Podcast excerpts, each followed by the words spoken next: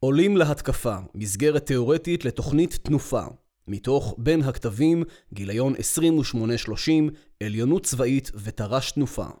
מאת ערן אורטל. זה לא מספיק שאנו עושים כמיטב יכולתנו. לפעמים עלינו לעשות את מה שנדרש.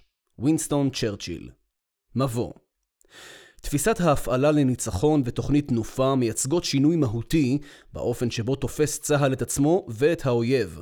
מאז תר"ש תפן, שאחרי מלחמת לבנון השנייה, עוסקות התוכניות הרב-שנתיות של צה"ל בתיקון פערים שהתהוו בעוצמה הצבאית ובשיפור מוכנות צה"ל למלחמה. כך למשל, תוכנית הרקם הכבד נועדה להתמודד עם הפער שהתגלה במיגון טנקים ונגמ"שים מול אמצעי נ"ט חדישים. הצטיידות במערכות כיפת ברזל מתמודדת עם התהוות איום הנשק תלול המסלול והצטיידות במלאי חימוש נועדה להתמודד עם העלייה המתמדת בצריכת חימוש במבצעים השונים ובמערכה שבין המלחמות, המב"ם. לעומת אלה, בליבה של תפיסת ההפעלה לניצחון שבבסיס התר"ש, עומדת ההבחנה של צה"ל כי השינויים שהצטברו בעשורים האחרונים אינם מאפשרים עוד תוכנית של תגובות נקודתיות לפערים. נדרש שינוי מהותי. שני מניעים יסודיים עומדים בבסיסו של השינוי הנדרש. הראשון, השינוי בהבנת האתגר הצבאי. הביטוי שטבע הרמטכ"ל, צבאות טרור מבוזרים ומבוססי תמ"ס, נועד להבהיר כי צה"ל נדרש להבין מחדש את האויב ולהמציא את עצמו מחדש לאור ההבנה הזו. בחלקו הראשון של מאמר זה נציע מסגרת תאורטית, אסטרטגיה, טקטיקה וצורה מערכתית, שבאמצעותה נידרש להבין את מערכת האיום על מדינת ישראל כבסיס לדיון על המענה הצבאי הנדרש כלפיה. השני, פוטנציאל ההשתנות הזמין לנו. מניע לשינוי הוא תנאי הכרחי, אך לא מספיק. הדבר שמאפשר שינוי הוא העובדה שקיימות הזדמנויות חדשות שטרם הצינו. המהפכה הדיגיטלית של העשורים האחרונים שינתה בשנים האחרונות את צורתה. מהפכה תעשייתית רביעית. מהפכת האוטונומיות והסמארט, ערים חכמות למשל, מאפשרת לדמיין מחדש את עולם המלחמה. תפיסת ההפעלה המחודשת של צה"ל ותוכנית תנופה נשענים על מסגרת תאורטית שאלה הן שתי הרגליים שלה. חלק א', מערכת האויב, עידן העליונות והאיום האסימטרי. בתולדות הלוחמה יש תאריכים המהווים נקודות מפנה אמיתיות, עכשיו אפשר לסמן תאריך חדש בלוח, 3 ביוני 1999, היום שבו הוכיחה כניעתו של הנשיא מילושביץ' שניתן לנצח במלחמה על ידי כוח אווירי בלבד. סוף ציטוט מאת ג'ון קיגן, הלונדון דיילי טלגרף, יוני 1999. ארגונים תופסים את העולם מבעד לעדשות תפיסת עולמם ומבעד לרגעים המכוננים בחייהם המקצועיים. שנות ה-90 ושנות ה-2000 הם במידה רבה הרגע האחרון שכונן את תפיסת עולמנו ואת המסגרת התאורטית שבאמצעותה אנו תופסים את המציאות. הדבר שאיחד את שני העשורים הללו היה רגע נדיר יחסית בהיסטוריה הצבאית, דומיננטיות צבאית מוחלטת של צבאות המערב המתקדמים. העליונות הצבאית המוחלטת הזו באה לידי ביטוי בעיקר בדמותו של כוח אווירי מוחץ, שנדמה היה שיכול מאותו הרגע בהיסטוריה ואילך לנצח לבדו כל מלחמה ללא סיכון אמיתי לכוחות יבשתיים או למדינה המשלחת. העליונות האווירית של צה"ל על סביבתו לא הייתה מסגרת תאורטית גרדה. התפרקות ברית המועצות עצרה למעשה למשך יותר מעשור את התפתחות חיל האוויר הסורי ואת מערך טילי הקרקע אוויר שלו. זיכרון תבוסת חיל האוויר הסורי וסוללות הטאקה ב-1982 עדיין היו טריים בזיכרון הסורי, כשנוכח באופן בלתי אמצעי בתצוגת העוצמה האווירית האמריקאית במלחמת המפרץ הראשונה ב-1991. וכך, כשהוגים צבאיים בולטים במערב ובישראל חגגו את הניצחון ההיסטורי של כוח אווירי במלחמה בקוסובו בקיץ 1999, כבר הותוו למעשה הכיוונים המרכזיים של הצד השני להתמודדות התמודדות עם העליונות האווירית המערבית. הסוואה, מעבר מלוחמה משוריינת לכוחות רגליים דלי חתימה, מלחמות מבוססות שלוחים, פרוקסי, ואש ארוכת טווח כמכשיר טקטי ואסטרטגי עיקרי. המהפכה בעניינים צבאיים של הצד השני תוארה היטב במאמרם של כרמית ולנסי ואיתי ברון. היא הייתה קשורה לנסיבות מגוונות. להיחלשות המדינות במזרח התיכון, למהפכה האסלאמית באיראן, להתפרקות ברית המועצות וכמובן למהפכה בעניינים צבאיים של עידן המידע. ITRMA, בשנות ה-90, ולדומיננטיות הצבאית המוחלטת של המערב ושל צה"ל כתוצאה ממנה. בצה"ל כינינו את האויבים שהתפתחו בשנות ה-90 וה-2000 בכינוי אסימטרים, על שם נחיתותם הצבאית הבסיסית. בדרום לבנון, בעזה ובאיו"ש מצא עצמו צה"ל נלחם בכוחות הנחותים ממנו במישור הצבאי. עיקר האתגר, כך תפסנו זאת במהלך העשורים ההם, היה נעוץ במגבלות שהחלנו על עצמנו בהפעלת הכוח ולא באויב עצמו. הסימנים המדאיגים לשחיקה בעליונות הצבאית ניכרו כבר במהלך שנות התשעים. אפילו הניצחון האווירי ההיסטורי, לפחות כפי שנתפס בשעתו בקוסובו, הושג רק בתום 78 ימי לחימה ארוכים. צבא ארצות הברית שקע במערכות שחיקה ארוכות באפגניסטן ובעיראק. גם צה"ל נתקל בקשיים בתרגום עליונותו הצבאית הבסיסית לתוצאות מעשיות. ישראל ניהלה סבבי לחימה חוזרים ונשנים עם חיזבאללה במהלך שנות ה-90 וב-2006, ועם חמאס במהלך העשור האחרון. בכל הסבבים האלה הופעל כוח אווירי משמעותי. כל המבצעים הללו הסתיימו ללא הכרעה ברורה, עם הישגים לשני הצדדים. כל המבצעים התאפיינו במשכי לחימה ארוכים, במחירים הולכים ומכבידים, ובפגיעה הולכת ומחמירה בעורף הישראלי, למרות הישגי כיפת ברזל, שנכנסה למערכה לראשונה בהיקף משמעותי ב-2012 במבצע עמוד ענן. ההסבר התאורטי העיקרי שניתן לתופעות הללו התמקד במשך השנים בקשיים המוכרים של לחימה נגד חתרנות או לחימה נגד גרילה. העובדה שבמהלך העשור הקודם התמודד צה"ל גם עם לחימה משמעותית באיו"ש תרמה גם היא לאי ההבחנה בין התופעה המתהווה מעבר לגבול הלבנון, ובהמשך בעזה, לבין התפיסות שהתמקדו בלחימה נגד אויבים אסימטריים. הפרדוקס לכאורה בין העליונות המוחלטת של צה"ל לבין התוצאות הלא מובהקות של המבצעים נגד חיזבאללה וחמאס הולידו תסכול אצל מקבלי ההחלטות ובציבור הרחב. הניצחון על הטרור באיו"ש בחומת מגן ובשנים שבעקבות המבצע הוכיחו לכאורה כי הכרעה צבאית אינה אלא עניין של רצון לאומי ותו לא. הסיסמה "תנו לצה"ל לנצח" נולדה באירועי האינתיפאדה השנייה, ובעקבות המבצע המוצלח חומת מגן באיו"ש אף הפכה לספר.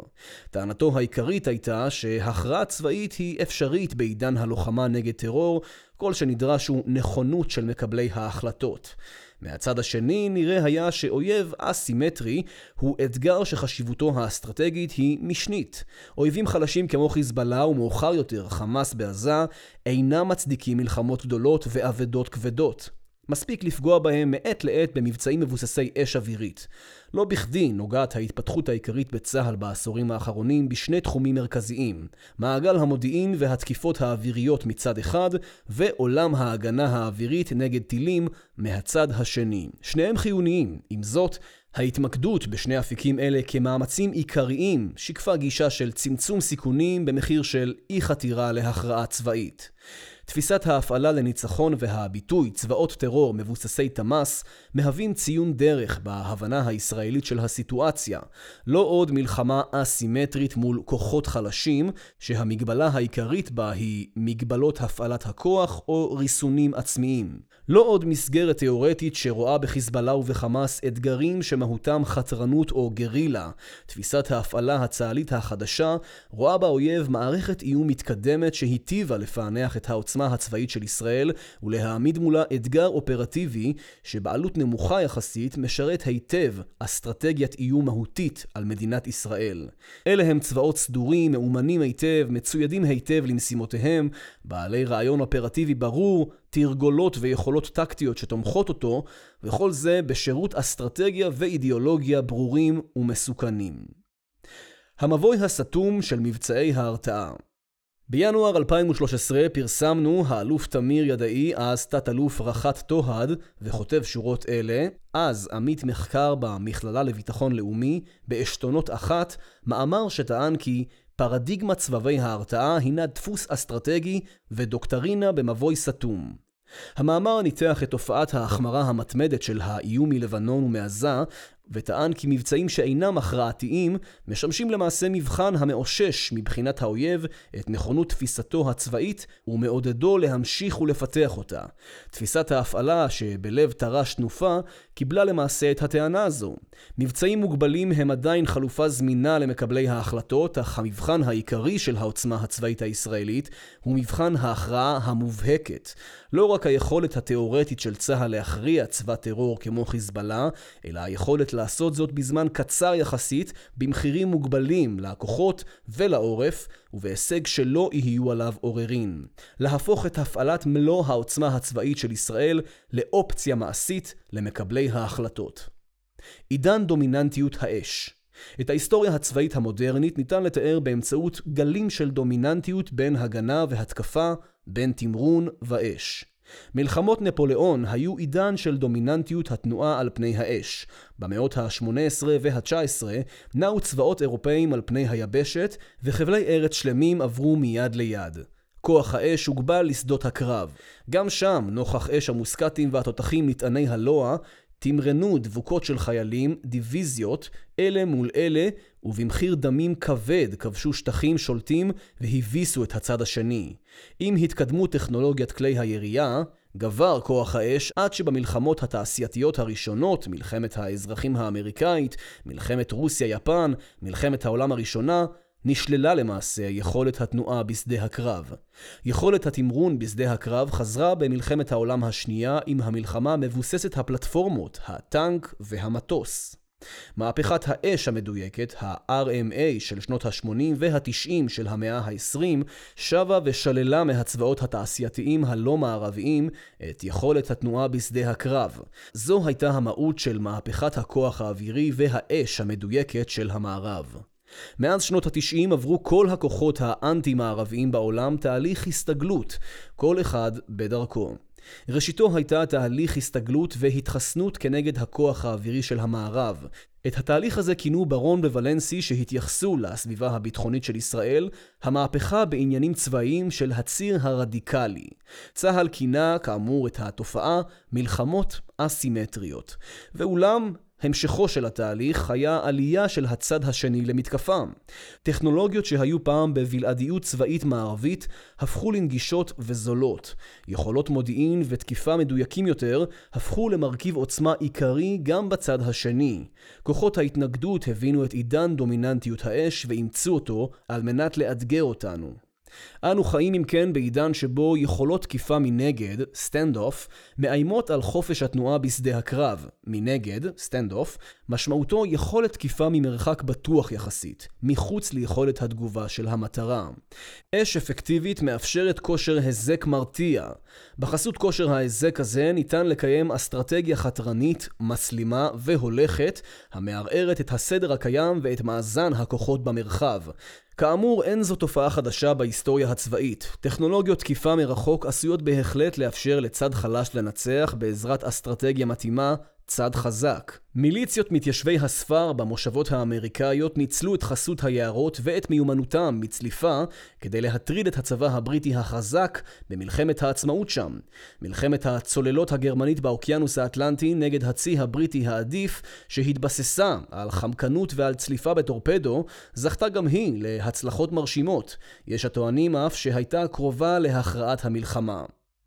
מניעת גישה ושטח במאמרו מטריות, קשתות ובועות תובע חוקר מרכז דדו, סגן אלוף במילואים דביר פלג, את המושג תשלובות התגוננות תקיפה. פלג מבחין בתופעה צבאית גלובלית, מעצמות מקומיות, רוסיה וסין, מנצלות את טכנולוגיית התקיפה מרחוק, מניעת גישה ושטח, על מנת לאיים על ארצות הברית במחיר צבאי גבוה, במקרה שתבחר להתערב במשברים בסביבתן הקרובה. בחסות איום זה מקיימות רוסיה וסין מדיניות חתרנית מתמידה שנשענת על שיטת הסלאמי, צעדים קטנים, מתחת לסף המלחמה, שמרחיבים בהדרגה את השפעתן ודוחקים בהדרגה את ההשפעה האמריקאית ומעמד בעלות בריתה. הרוסים והסינים אינם אויבים אסימטריים, אלא כמעט שקולי עוצמה בראיית האמריקאים. near peer competitors אם תבחר ארצות הברית לממש את האינטרסים שלה ואת מחויבותה לבעלות בריתה באזורים הסמוכים לרוסיה או לסין, היא תעמוד לא רק בפני סיכון אמיתי למטוסיה, לספינותיה ולבסיסי הכוחות במרחב. במקרה של הסלמה רחבה, מאוימת גם ארצות הברית גופה על ידי מערכת טילים בליסטיים, איום שבקצה שלו עומדת אפילו יכולת גרעינית.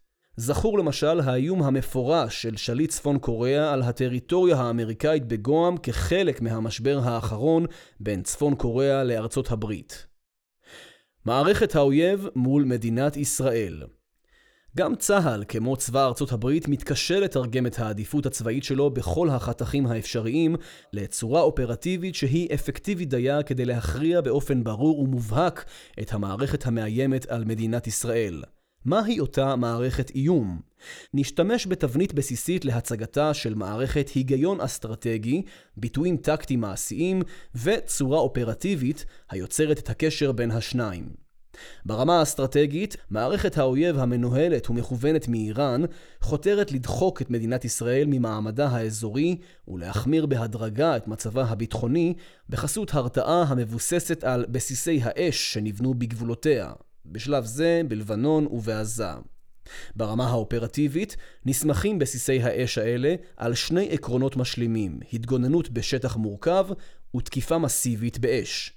ברמה הטקטית מתאפשרת הצורה האופרטיבית שתוארה כאן בזכות טקטיקות מוכרות כמו מערב או מחטף, ובעיקר בזכות יכולות תקיפה אפקטיביות מרחוק. אם נסכם את הרעיון העיקרי של מערכת האויב, נתארו כך האויב פועל תחת היגיון של דחיקה אסטרטגית, קרי חתירה להגמוניה אזורית ודחיקת המערב וישראל בחסות איום באש. הצורה האופרטיבית שמאפשרת את ההיגיון הזה היא תשלובת התגוננות ותקיפה, קרי מאחזים מוגנים בגבולות, גבולותינו במקרה הישראלי, שמהם ניתן לאיים באש על המדינה השכנה. בתפיסת ההפעלה לניצחון הם מכונים צבאות טרור מבוזרים מבוססי תמ"ס. היכולת הטקטית שמאפשרת את הצורה האופרטיבית הזו היא משפחת יכולות מניעת הגישה והשטח, מג"ש. עיקרן שילוב של אש המונית ואש מדויקת עם יכולות נוספות של תקיפה מנגד, לוחמה אלקטרונית וסייבר למשל. את מערכת האויב הזו ניתן לראות בפעולה לא רק בגבול לבנון. בתימן למשל ציידו האיראנים את המורדים החות'ים בטילים בליסטיים ארוכי טווח שכבר פגעו בערים ובשדות תעופה בסעודיה ובנסיכויות המפרץ. תחת איום טילים בליסטיים פרשה איחוד האמירויות מהקואליציה הלוחמת במורדים החות'ים, והלחץ האיראני כלפי הסעודי נמשך, בין היתר בהפצצת מתקן ארמקו בספטמבר 2019. בחסות ההרתעה שמייצרים בסיסי האש שהיא בנתה ובונה על גבולותינו, מנסה איראן להמשיך ולחזק את אחיזתה במרחב הצמוד אלינו. במקביל, היא חותרת ליכולת גרעינית שתהווה, בראיית המשטר האיראני, מטריית הרתעה אולטימטיבית שתאפשר חופש פעולה נוסף לחתור תחת הסדר האזורי. נעמוד כעת בפירוט על המערכת ההגיונית של האויב בחלוקה לנדבכים האסטרטגי, האופרטיבי והטקטי. האויב ברמה האסטרטגית, דחיקה אסטרטגית. שיטה, ציר התנגדות מתואם מרחוק. בעבר עמדה מדינת ישראל מול קואליציה של מדינות ערב בעלות תיאום אופרטיבי משמעותי ביניהם במלחמה, ותיאום אסטרטגי רופף ביניהם בין המלחמות. הציר המונהג בידי איראן וחולל צבאות טרור לווייניים במידות עצמאות שונות, חיזבאללה, חמאס, ג'יהאד אסלאמי פלסטיני, חות'ים, מיליציות בעיראק ובסוריה, הוא מתנהל אחרת. הוא מקיים אסטרטגיה מתואמת באופן הדוק בשגרה, כך שאיום ההסלמה למלחמה הוא כלי אסטרטגי להרתעת ישראל והמערב כדי לאפשר את אסטרטגיית השגרה. תפוקה דחיקה אסטרטגית. תחת איום מלחמה הכולל מחירים גבוהים, במיוחד בעורף ישראל ובחזית, מקיים הציר הזה מאמץ מתואם נגד הסדר הקיים, הסטטוס קוו. זהו מאמץ מתמיד לחתור תחת הסדר האזורי הכללי, בעיקר במפרץ הפרסי וסביב ישראל, בניסיון להגיע להגמוניה אזורית, החתירה הזו באה לידי ביטוי בהתעצמות צבאית של צבאות הטרור השלוחים, בהתבססות במרחבים חדשים, סוריה, מערב עיראק, הים האדום, תימן ועוד, ברכישת אזורי השפעה, עיראק, סוריה, ובהתשה הולכת ומתגברת. במקרה של ישראל, ההתשה הזו באה לידי ביטוי גם בתופעות גבול שונות, תהלוכות, עפיפונים, בלונים וימי קרב. במפרץ הפרסי ההתשה הזו כבר הפכה לפשיטות ולקרבות באזורי הגבול, לתקיפת שדות תעופה בתק"ק ולהשמדת מתקני זיקוק ומכליות נפט. הדחיקה האסטרטגית נועדה להפוך את האזור למסוכן, להכפיף שחקנים נוספים להיגיון הצירי ולהרחיק את ההשפעה המערבית המייצבת. תחת איום צבאי משמעותי מספיק, מניחה איראן, ניתן יהיה גם לחדש את פרויקט הגרעין תוך הרתעת אחרים מתקיפתו. כפי שתיארנו קודם, הגרעין, בתורו, יאפשר המשך חתירה תחת הסדר לקראת הגמוניה איראנית באזור. האויב ברמה האופרטיבית, תשלובת התגוננות תקיפה. תשלובת התגוננות תקיפה, כאמור בתגובה לעליונות האווירית ולדומיננטיות האש המדויקת של המערב ושל צה"ל, התפתחו צבאות הטרור מבוססי האש שסביבנו תחת היגיון התגוננותי. מהותו, הסתגלות לכוח האש המערבי באמצעות שילוב של התבזרות בשטחים גדולים, של התבססות בשטחים בנויים וסבוכים, ושל משטר חתימות מודיעיני קפדני, היעלמות. מהלך זה חייב ויתור על יכולת התקפית מתמרנת משמעותית, ומעבר לצורה אופרטיבית מגננתית. מכיוון שהאסטרטגיה של האויב היא התקפית, ובגלל שטכנולוגיות התקיפה מרחוק מאפשרות זאת, פיתח האויב צורה של תקיפה באש מתוך המגנן האופרטיבי שלו. בשלב ההתפתחות הראשון, מיצוי הרעיון של מסה רקטית להתשת העורף. בשלב השני, רעיון של תקיפות מדויקות לנטרול תפקודים אופרטיביים ואסטרטגיים בישראל.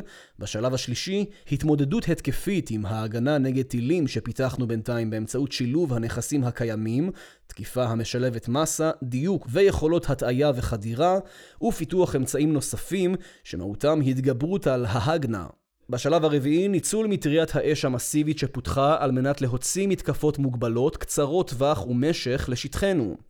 בעשור הקודם נערכנו לתרחיש מחטף סורי ברמת הגולן, וכיום אנו נערכים למתקפות חיזבאללה לשטח הגליל ולמתקפות כוח נוח'בה של חמאס ליישובי הנגב.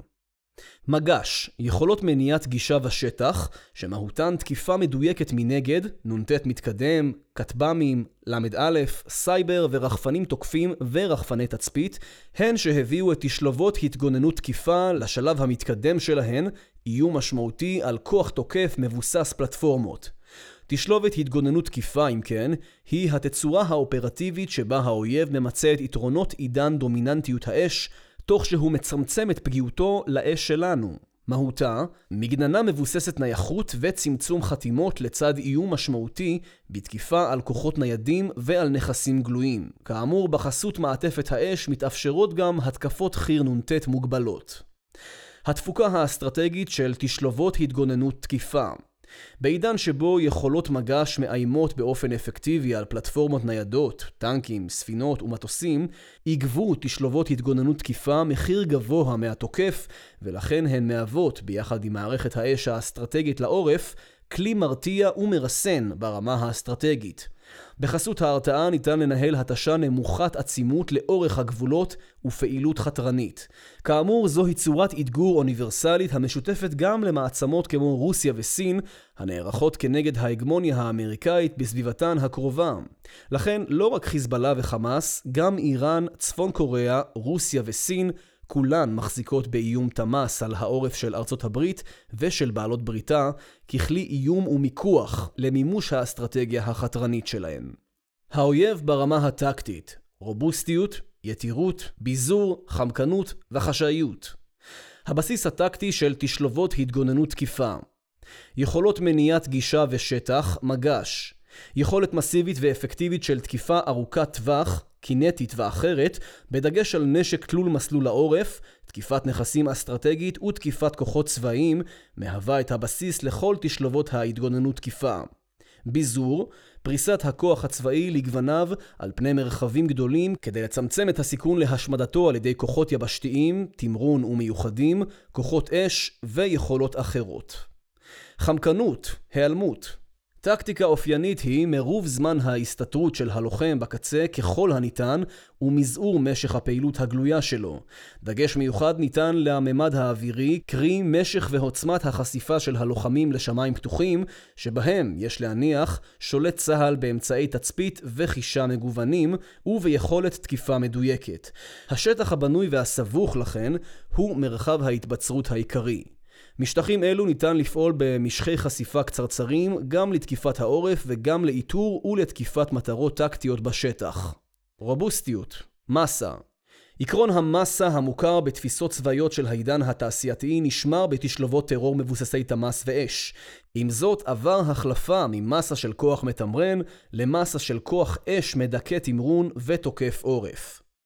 כיבוש ופשיטה התקפות מקומיות, מחטפים בשלב מתקדם של התפתחות יכולות התשלובת התגוננות תקיפה, החלו לפתח מחטפים, מהלכים התקפיים לטווח מוגבל בחסות מעטפת אש מסיבית, כדי לקדם את יכולות המגע שלהם לעמדות חדשות ולהרחיב את מוטת ההשפעה שלהם. יכולת ההתקפה המקומית של רצ'ואן ונחבה מבטאות התפתחות זו. חלק ב' כיווני השתנות התמודדות עם מערכת האויב כאמור, תשלובות התגוננות תקיפה המבוססות על יכולות מגש הן התפתחות אוניברסלית. הן פועל יוצא מהסיטואציה ההיסטורית הנוכחית בעולם הצבאי, שמהותה דומיננטיות האש על פני התנועה. MDO Multi-Domain Operations דוקטרינת המבצעים הרב-ממדיים של צבא ארצות הברית היא במהותה ההבנה שלא ניתן להתמודד עם תשלובות התגוננות תקיפה מבוססות יכולות מגש באמצעות יכולות מנגד בלבד. נדרשת פריצה ממוקדת של המערך והתמודדות עם יכולת התקיפה מנגד שלו בטווחים קרובים, תוך שהכוח הצבאי העדיף מצליח להביא לידי ביטוי את עוצמתו. על מנת להימנע מאבדות כבדות מדי שיביאו לבלימת ההתקפה, נתבע עקרון הרב-ממדיות שמשמעותו גרימת קושי תפקודי למגן באמצעות ריכוז אמצעי תקיפה אוויריים, קרקעיים, אלקטרוניים, קיברנטיים ואחרים, ובאמצעות יכולות חשיפת אויב מתקדמות. באמצעות אתגור רב-ממדי של האויב ובעיקר ריבוי יכולות ציור ועיבוד מידע מתקדמות, ISR, יאותר וייפגע מספיק האויב ותיווצר פרצה במערך ההגנה. הפרצה הזמנית תנוצל, כך לפי התפיסה האמריקאית, להכנסת יכולות SI, Stand In, שיאפשרו את שלילת יתר יכולות המגש מבפנים. אם כן, שני מרכיבי מענה מרכזיים מתפתחים בהגות הצבאית היום כנגד האיום, המהוות תשלובות התגוננות תקיפה. כושר חשיפה מדויק ומהיר של מיקום כוחות האויב. חשיפה זו ניתנת להשגה בעיקר בסיטואציה של מגע טקטי המחייב את המגן לפעילות קרבית פולטת חתימות, ערעור. איתור האויב ותקיפתו באתרי המסתור או בתנועה ביניהם תשתק את יכולתו לפעול כמערכת. דיכוי ירי. התכלית הטקטית של פעילות האויב היא ירי לעורף וירי מנגד לכוחותינו. הירי הוא הרגע היחיד בלחימה שבו האויב מגלה עצמו באופן ברור ומובהק. רוב הירי מחייב חשיפה של עשרות שניות. רגע הירי, אם כן, הוא נקודת התורפה העיקרית של אויב, שעיקר כוחו הוא בחמקנותו. רגע זה צריך להפוך לעוגן עיקרי למאמצי חשיפת האויב. יתר על כן, רגע הירי לעיתים קרובות הוא ארוך מספיק כדי לאפשר מעגל איתור, תקיפה והשמדה. חוליות נ"ט למשל נדרשות לעקוב אחרי מטרתן במשך עשרות שניות. משגרי רטטות רב-קניים דורשים גם הם כמה עשרות שניות כדי להשלים את פעולתם, וכך גם אמצעים ארטילריים אחרים כמו מרגמות ותותחים. השמדת מקורות הירי בחלון זמן זה תביא את יכולת הלחימה של האויב מבוסס האש לכדי שיתוק. עידן הסמארט, פוטנציאל ההשתנות כפי שניתן היה להתרשם בחלקו הראשון של המאמר, בעבר ידע צה"ל למצות את הקדמה הטכנולוגית כדי לפתח תפיסה וארגון פורצי דרך ששינו את אופי הלחימה והשיגו עליונות צבאית מובהקת. מהפכת האש המדויקת, כזכור, דחקה את צבא סוריה מאסטרטגיה של איזון אסטרטגי באוויר וביבשה לתפיסה של התמודדות מוגבלת מול מדינת ישראל ולהישענות על לוחמת שליחים. אם אלה הם כיווני ההשתנות העיקריים הנדרשים נוכח פני האויב, כיצד עשוי הפוטנציאל הטכנולוגי שהתהווה בעשור האחרון לאפשר לנו פריצת דרך נוספת נוכח השתנות האויב? כיצד טכנולוגיות דיגיטל, מובייל, אוטונומיות ובינה מלאכותית עשויות לשנות במהותו את המבוי הסתום של הרתעה הדדית באש? עסקנו בשאלה זו בעבר לא מעט מעל דפי בין הכתבים. במבולבלים, גם אנחנו, הצגנו את הטענה שלפיה עידן האוטונומיות ועיבודי המידע המתקדמים יאפשר את הקמתן של תשלבות חישה עיבוד מידע ותקיפה מהירה, סיור, שיפעלו בשדה הקרב כחלק מהכוח המתמרן. בשונה מעולם האיסוף והמודיעין העיקרי היום, שפועל במנותק מהכוח המתמרן, תתבסס תשלובת הסיור הטקטית על כטמ"מים, רחפנים ומכ"מים המקושרים ברשת נתונים ותפעל לקליטה ולפענוח של פליטת חתימות האויב בהקשר של הקרב הטקטי, שבו האויב נאלץ להסגיר מעת לעת את פעילותו ואת מיקומו. בגיליון 2021 של בין הכתבים הבאנו את המלחמה באוקיינוס האטלנטי במלחמת העולם השנייה כמקרה מבחן של התמודדות מוצלחת עם אויב חמקן ומבוסס תקיפה מנגד. במקרה המבחן הזה עבר הצי הבריטי שאיחר להיערך לאיום הצוללות הגרמניות מתפיסת לחימה מבוססת עוצמת אש, אוניות תותחים, לתפיסה ולצי מלחמה מבוסס יכולות חישה, סיור אווירי, תקשורת ותקיפה נקודתית, וכל זאת תוך שנים ספורות. שורה ארוכה של מאמרים נכתבה על הפוטנציאל של תקשורת מתקדמת ואלגוריתמיקות עיבוד נתונים מתקדמות כשיטות לפריצת חסמי יעילות הקיימים בעולם המודיעין, תכנון המבצעים והתקיפה הצה"לי. במילים אחרות, תקשורת נתונים כולם לכולם ועיבודי מידע מתקדמים עשויים לפרוץ את תקרת הזכוכית הנוכחית של מפעל המודיעין ושל תקיפת המטרות של חיל האוויר ולאפשר למידע רב יותר להיות מעובד מהר יותר ולהיתקף בקבועי זמן קצרים יותר ובדיוק משופר. הכיוונים אם כן הם ברורים, אך תוכנית כמו תנופה נדרשת להישען לא רק על כיוונים כלליים ועל תועלות ברורות מפרויקטים טכנולוגיים שונים. תוכנית השתנות כמו תנופה חייבת להישען על מסגרת תפיסתית שמאפשרת לא רק הבנה תאורטית ברורה יותר של הצעדים הנדרשים, אלא גם קביעת סדרי עדיפויות מעשיים בעולם של משאבים חסרים. המסגרת התאורטית הזאת צריכה לענות על שלוש שאלות יסוד. אחת, מהו הרעיון המרכזי שיאפשר מיצוי טוב יותר של הכוח הצבאי? 2. כיצד מתקנים שעון בעודו מתקתק? במילים אחרות, איך משנים את הצבא מבלי להחליף אותו בהוצאות עתק בלתי אפשריות, תוך שימור ושיפור רמת מוכנותו המיידית? שלישית, מה כל זה נועד להשיג? פונקציית המטרה המבצעית של תפיסת בניין הכוח של תנופה. התפיסה עונה על שלוש שאלות אלה באמצעות שלושה עקרונות מובילים. העיקרון הראשון, רב-ממדיות. הציניקנים ימהרו לפסוק שברב-ממדיות אין כל חדש. הקרב הרב-חילי המשולב היה פריצת הדרך התפיסתית-ארגונית שאפשרה את מלחמת התנועה המשוריינת באמצע המאה ה-20. מאוחר יותר נולד המושג שילוביות כדי לתאר שיתוף פעולה הדוק יותר בין זרועות האוויר, היבשה והים. המושג רב-ממדיות אינו אלא המשך של אותה המגמה. אלה הן כמובן הבחנות נכונות. ובכל זאת, המושג רב-ממדיות הוא מושג מפתח בתפיסת המענה המתהווה היום בצה"ל, כמו גם בתפיסת צבא ארצות הברית. נעוצות בו שתי הבחנות יסוד. האחת, בעיות מורכבות דורשות פתרונות מורכבים. אתגר עומסי התנועה בישראל בשנת 2020 למשל, מחייב פתרון רב-ממדי הכולל לא רק תשתית כבישים נוספת, אלא גם השקעה בתחבורה ציבורית עירונית ובין-עירונית, תמריץ כלכלי לצמצום השימוש במכוניות פרטיות, תכנון גיאוגרפי נכון יותר ועוד. גם האויב מציב בפנינו אתגר מורכב הכולל סביבת לחימה סגורה ומאוכלסת, אופי חמקני, היעלמות, פריסה רחבה, ביזור, יכולות תקיפה מגוונות ורבות, ובורות יכוש משפטיים ותודעתיים לרוב. מכיוון שתפיסת הלחימה שלו משקפת למעשה את הסתגלותו לאיומי צה"ל מהאוויר ומהיבשה, לא נותר לנו אלא לנסות ולפצח את האתגר שלו באמצעות פתרון משולב, כזה שמאתגר אותו בו זמנית בכל ממדי הלחימה, בזמן ובמרחב אחודים. רב-ממדיות במובן זה מרחיבה את יכולת התמרון הצבאי מהמרחב הגיאוגרפי, יבשה, אוויר וים, לממדים נוספים, סייבר, ספקטרום, מידע, תת-קרקע, ומעניקה מרחב חדש של הזדמנות להטיל על האויב אילוצים ולמצות את עקרון התחבולה בלחימה.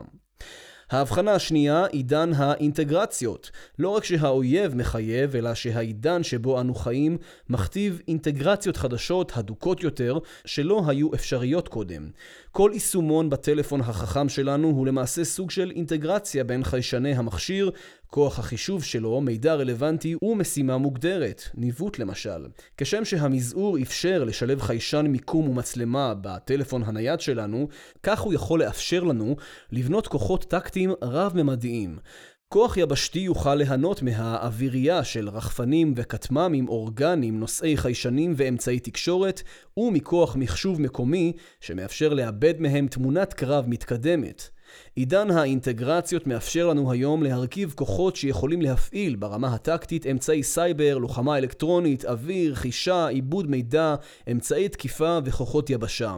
אמצעים אלה לא יחליפו את הזרועות הממוסדות והמקצועיות שיספקו שירותי אוויר, מודיעין, תקשוב וסייבר מתקדמים יותר. עם זאת, הם יאפשרו לאתגר את האויב בזמן אמת ובתוך שדה הקרב בממדים הנדרשים כדי להביסו. עיקרון הרב-ממדיות אם כן הוא פשוט. ככל שנפתח יכולות מבצעיות הפועלות בו זמנית בממדים שונים, יבשה, אוויר, חישה, סייבר, ספקטרום וכולי, תחת מסגרת פיקוד אחודה וביחס למשימה ולאויב מוגדרים, כך יגדל מרחב התמרון והתחבולה שלנו ותצטמצם יכולת ההסתגלות של האויב. זהו עיקרון מנחה, מבחן בסיסי לפיתוח יכולות בתוכנית תנופה. העיקרון השני, חליפה חכמה, סמארט. לעיתים קרובות נתפס המושג טרנספורמציה כאוטופיה בלתי ניתנת להשגה של כוח צבאי חדיש ומודרני, הדורש זמן רב ומשאבים עצומים כדי לבנותו. ואכן נשאלת השאלה כיצד משנים צבא במסגרות זמן ובמשאבים המתקבלים על הדעת, תוך שימור מוכנותו למלחמה. המהפכה בעניינים צבאיים שהתחוללה בוורמאכט הגרמני בין שתי מלחמות העולם לא הגיעה אף פעם לכדי מסה קריטית. באביב 1940 רק עשר דיוויזיות גרמניות מתוך כמאה שהשתתפו במערכה על צרפת היו משוריינות. רוב התובלה הגרמנית עד סוף המלחמה נותרה מבוססת סוסים. חוק אוגוסטין, מספר 16, מזכיר לנו כי פלטפורמות לחימה הולכות ומתייקרות בטור גיאומטרי. מה שהיה קשה לאמריקאים ובלתי אפשרי לגרמנים באמצע המאה ה-20. טרנספורמציה לצבא של עידן תעשייתי שני עשוי להיות בלתי אפשרי לחלוטין בראשית המאה ה-21. טרנספורמציה לצבא של העידן התעשייתי הרביעי. העיקרון שמגשר על המתח הזה הוא רעיון החליפה החכמה. לצורך ההבנה נעזר באנלוגיה של עיר חכמה. העיר כבר קיימת, רחובותיה סלולים, שירותי העירייה קיימים, העסקים, מקומות העבודה, שכונות המגורים, רשת הרמזורים, מוסדות התרבות והספורט וכמובן התושבים כולם כבר שם. על מנת ליצור עיר אפקטיבית יותר, כזו שצורכת פחות אנרגיה אך מספקת רמת שירותים גבוהה יותר, כזו שמסתפקת בפחות שוטרים אך משיגה יותר ביטחון אישי וציבורי, עיר נגישה יותר ועמוסה פחות. על מנת ליצור עיר כזו, לא נדרש להשקיע מחדש בחומרה, כמו כבישים, בניינים, רמזורים ומשאיות פינוי אשפה. מה שנדרש הוא שכבה חדשה וממוקדת. רשת תקשורת וחיישנים שתוקם על בסיס התשתיות הקיימות, שתאסוף מידע ושתעבדו לתובנות מיצוי טוב יותר של המשאבים הקיימים. דיגיטציה של תחומי ייצור ועשייה מסורתיים נראית תמיד כך. שכבת תקשורת חישה ועיבוד מידע על גבי התשתית הקיימת, חקלאות מבוססת מידע, חכמה, רפואה חכמה ומרוחקת, מפעל חכם ועוד. הכוח הצבאי הנוכחי יכול להסתגל לאתגר האויב החמקן מבוסס האש מבלי לפגום במוכנותו המיידית למלחמה ומבלי להידרש להוצאות תקציביות בלתי אפשריות באמצעות הלבשתו בחליפה חכמה. מהותה מעטפות ציור מבוססות להכות כלי טיס בלתי מאוישים לדרג הטקטי, אגבור אמצעי מודיעין וחישה לדרגים הבכירים, וקשירת כל אלה למאגרי מידע משותפים ולמערכות מיצוי מידע יעילות. כל אלה יאפשרו איתור אויב במדויק ובקבועי זמן קצרים, והשמדתו באמצעות אש אווירית קיימת, ובאמצעות כוחות זמניים סמוכי אויב הנוכחים בתוך מרחב הלחימה. הקמת מערכת כזו היא אמנם לא עניין זול, עם זאת במונחים של ביטחון לאומי, עקרון החליפה החכמה מאפשר להתבסס על הכוח הקיים ולהלבישו חליפת מודרניזציה מעשית, בהיבטים מבצעיים וכלכליים כאחד. העיקרון השלישי, שלילת יכולות אויב. בעבר הכרענו את צבאות ערב באמצעות ניצול התנועה בשטח האויב כדי לאיים בחיתורו ולמוטטו.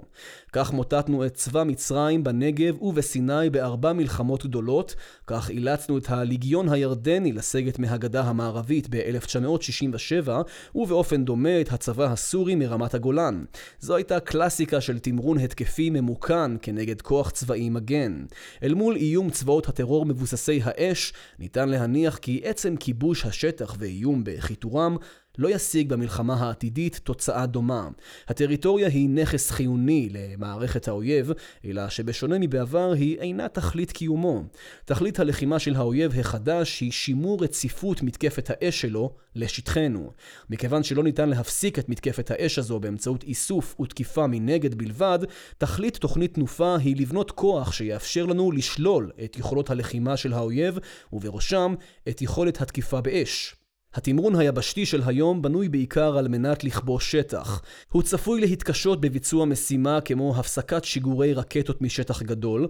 הכוח האווירי שלנו אמנם מצטיין בהשמדת תשתיות אויב ובגביית מחיר ממנו, אך עדיין לא הוכיח את עצמו ככלי אפקטיבי בשלילת יכולת שיגור רקטות. המבחן המעשי של צה"ל במלחמה הבאה פונקציית המטרה של בניין הכוח הצה"לי חייבת להיות שלילת יכולות הלחימה של האויב ויכולתו לתקוף את העורף בראשן. בהבנה שהכוח האווירי לבדו לא יספק זאת, מהותו של התמרון הרב-ממדי, מיצוי נוכחות כוחותינו בשטח האויב וקרבתם אליו כדי לעוררו, לחושפו ולהשמידו, תוך תמרון יחידותיו לעמדות נחותות, מבודדות ומנותקות קשר. סיכום תפיסת הפעלה חדשה נובעת בדרך כלל מהבנה חדשה של אופי האיומים הניצבים מולנו ושל ההזדמנויות הזמינות לנו כדי להשתנות ולהתאים את עצמנו. בלב תפיסת ההפעלה הצה"לית המתעדכנת ותוכנית תנופה עומד שינוי מהותי. צה"ל כבר לא רואה באויביו ארגונים לא סדירים שלוחמים באופן אסימטרי. ההבנה החדשה היא כי אנו מתמודדים עם צבאות של ממש, הגם שלא צבאות מדינתיים באופן רשמי. צבאות אלה, על אף שאינם עשירים או מתקדמים טכנולוגית, עושים שימוש במיטב היתרונות של עידן דומיננטיות האש כדי לתקוף את מדינת ישראל ולחתור תחת יציבותה האסטרטגית באמצעות שילוב בין יתרונות המגן בסביבה בנויה ומאוכלסת לבין יתרונות התוקף באש מסיבית ומדויקת מרחוק. בעבר ידע צה"ל לשרת את האסטרטגיה הישראלית של יציבות ושל בניין אומה באמצעות הרתעת מדינות ערב ממלחמה. הרתעה זו הושגה באמצעות כוח צבאי שהדגים מפעם לפעם את יכולתו לצאת במהירות למלחמה, להסיר כליל את האיום הצבאי מעל ישראל ולהכריע באופן ברור את הצבא שאיים עליה. האתגר של תוכנית תנופה הוא להתאים את עוצמת צה"ל הקיימת לצבאות הטרור שהתהוו כאן ולאפשר למדינת ישראל לעלות להתקפה לחזור למלחמות קצרות, להכרעה ברורה ולהסרה של עיקר האיום הצבאי, איום האש מעל ישראל.